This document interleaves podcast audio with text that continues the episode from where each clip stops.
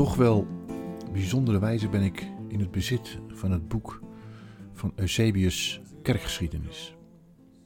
Eusebius, geboren rond het jaar 260 na Christus, heeft een buitengewoon mooi boek geschreven over de eerste eeuwen kerkgeschiedenis.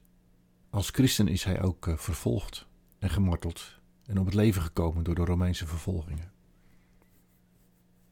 Maar zelf, uiteindelijk bisschop, heeft iets bijzonders gedaan met zijn boek De Kerkgeschiedenis.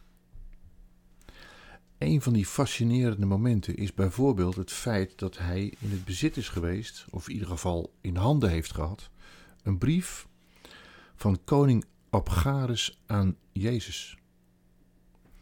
En zelfs het antwoord op papier wat Jezus hem terugschrijft. Die brief is uiteindelijk in een eh, brand vernietigd. Dus de brief zelf hebben we niet meer, maar het feit dat hij dit schrijft zou dus kunnen betekenen dat Eusebius dus letterlijk iets in handen heeft gehad van Jezus zelf. Eusebius heeft in zijn boek De Kerkgeschiedenis een verhaal opgenomen over de apostel Johannes. Verbannen naar het eiland Patmos, heeft daar dingen gezien die hij maar moeilijk kon uitleggen. Wij zijn nu in het bezit van zijn schrijven waarvan openbaringen veruit het meest indrukwekkend is. Die Johannes mag na de dood van de tiran die hem verbannen heeft terugkeren en gaat in Efeze wonen. En van daaruit onderneemt hij reizen om de omringende gemeente te ondersteunen. Omdat hij een ooggetuige is van de dood en opstanding van Jezus, wordt hem gezag toegekend. Op een van zijn rondreizen ontmoet hij een schone jonge man, zoals Eusebius dat ook schrijft. Goed gebouwd, vriendelijk van karakter en vurig van geest. Johannes koppelt de jonge man aan een van de oudste van de plaatselijke gemeente met de opdracht hem op te voeden, te trainen en een leider van hem te maken. De oudste van de lokale gemeente belooft het en Johannes gaat tevreden naar huis. Een jaar later komt hij weer in de buurt van de gemeente en vraagt naar het welbevinden van de jonge man. Die is dood, wordt hem gezegd. Dood voor God.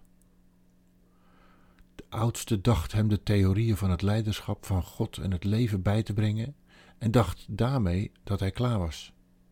Nee dus. Die jongen was aan lager wal geraakt en uiteindelijk bendeleider geworden en hij zou zich schuilhouden in de bergen. Toen Johannes dat hoorde, scheurde hij zijn kleren en riep: Een mooie bewaarder van een ziel van een broeder heb ik aangesteld. En zonder enig nadenken ging Johannes op weg en werd door de bende gevangen genomen. Hij werd op zijn verzoek naar de leider gebracht, die hem onmiddellijk herkende. Mijn zoon, mijn zoon, riep Johannes, heb meelij met mij. Wees niet bang. Je hebt nog hoop van leven. Ik zal rekenschap geven aan Christus. En als het nodig is, zal ik voor jou de dood sterven zoals de Heer dat deed. Mijn leven zal ik geven voor het jouwe. Die jonge man bekeert zich en werd als het ware voor de tweede keer gedoopt, maar nu in zijn eigen tranen. De apostel stelt zich borg voor hem bezwoer hem dat hij voor hem vergeving had ontvangen van de heiland. Johannes week niet meer van zijn zijde van de jongen, totdat hij terug was gebracht bij de gemeente.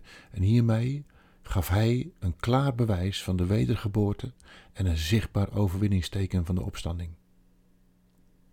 En als commentaar geeft Eusebius op dit verhaal: laten deze stukken uit Clemens voldoende zijn, de lezers kunnen er profijt van hebben.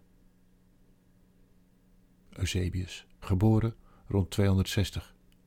In 314 werd hij bisschop van Caesarea en in die functie heeft hij het vroege christendom in kaart gebracht. Hij is een sleutelfiguur om onderzoek te doen naar de eerste christenen. Hij biedt, zeg maar, een sleutelgat naar de eerste eeuwen christendom.